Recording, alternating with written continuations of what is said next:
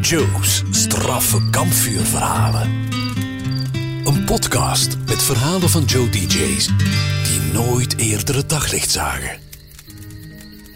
Ik ben Sven Oneris, ik ben DJ bij Joe. En eh, ja, mijn verhaal is eigenlijk een beetje een, eh, een spooky verhaal. Omdat het een, eh, het, is, het is een echt gebeurd verhaal. Het is op de radio gebeurd. En toen, toen, toen het gebeurde, geloofde ik het zelf eigenlijk niet zo goed.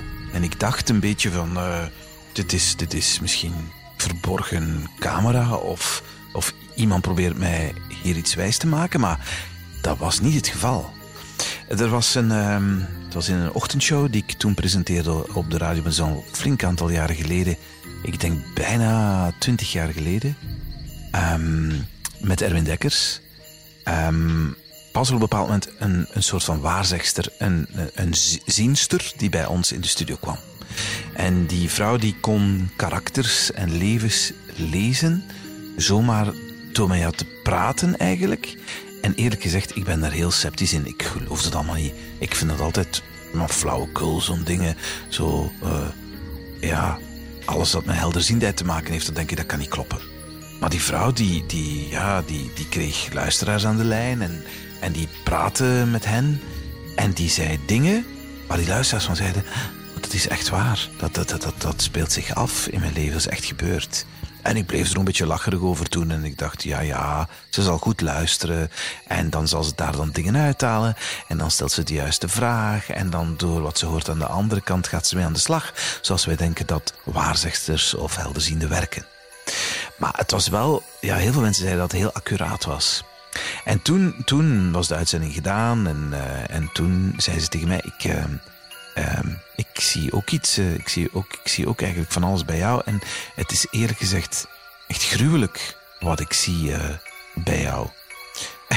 en dat is niet fijn om te horen als iemand zegt: er hangt iets rond jou. Wat, wat heel ernstig is en, en, en heel, heel, heel zwart en donker.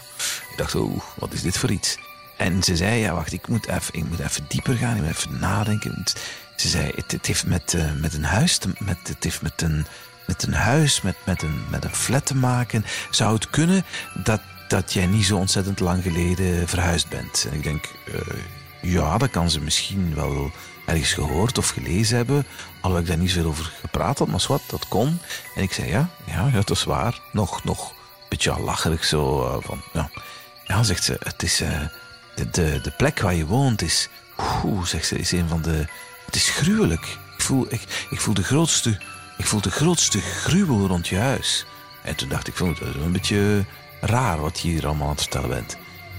En ze zei, um, er is, er is, het is niet in je huis zelf, maar het is, het is er eigenlijk vlakbij, op een, op een paar meter van waar je woont, waar je leeft, zijn afschuwelijke dingen gebeurd. En, en, en, en nog niet zo ontzettend lang geleden. En het, het heeft, oh, zegt ze, en ze begon bijna te rillen, ze werd er helemaal mottig van. En, en, ik, en ik zelf en ik dacht, ja, ik wist wel iets dat daar gebeurd was vlak bij mijn huis. En ik dacht, nee, heeft, dat, dat kan toch niet dat zij, dat, dat zij dit of dat weet. En ze zei, vlak bij je huis zijn, zijn, zijn niet zo lang geleden mensen vermoord. Zijn, zijn, zijn, het, is, het, is, het is met, dood te maken en met misbruik van kinderen. En het is binnen een familie dat het zich allemaal heeft afgespeeld. En het is... Oh, het is, er is nog van alles. Het is nog niet. Het is, en, en zij bleef er maar in doorgaan. En ze zei: Is daar iets? Is, kan je mij helpen? Want ik vind het te groot en het komt te zwaar bij mij binnen. En ik, en ik zei: uh, Ja, en ik, en ik, had het, ja, ik dacht: Ja, maar dit, dit heb ik nergens aan niemand verteld. Maar wat, wat, wat wil het toeval? Wat, wat was er gebeurd? Ik had in een oud pand in, in, in Brussel had ik casco nog volledig af te werken en zo'n verdieping, halve verdieping gekocht uh, meer dan 200 vierkante meter. En dat was vlak aan het kanaal in Brussel. En de straat ernaast was een smal straatje tussen, tussen het pand waar ik gekocht had en het huis daarnaast. En het huis daarnaast was helemaal dichtgemetst door de politie. Niet zo lang daarvoor, want wat bleek, dat was het huis van dominee Andras Pandi.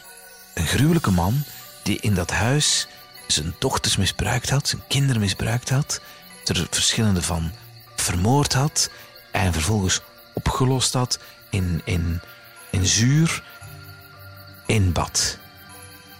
En ik wist dat verhaal en dat, dat, dat wist ik nog niet zo lang.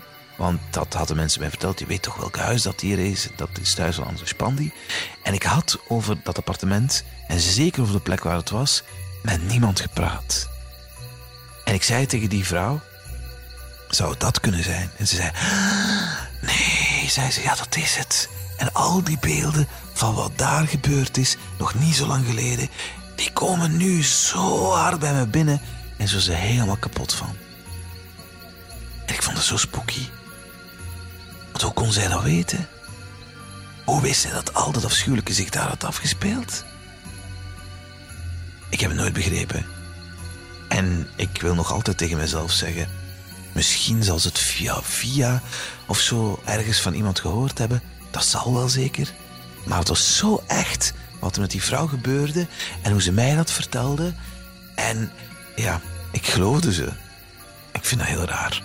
Want ik geloof niet in dat soort toestanden, maar ik kon niet anders op dat moment. Spooky hoor.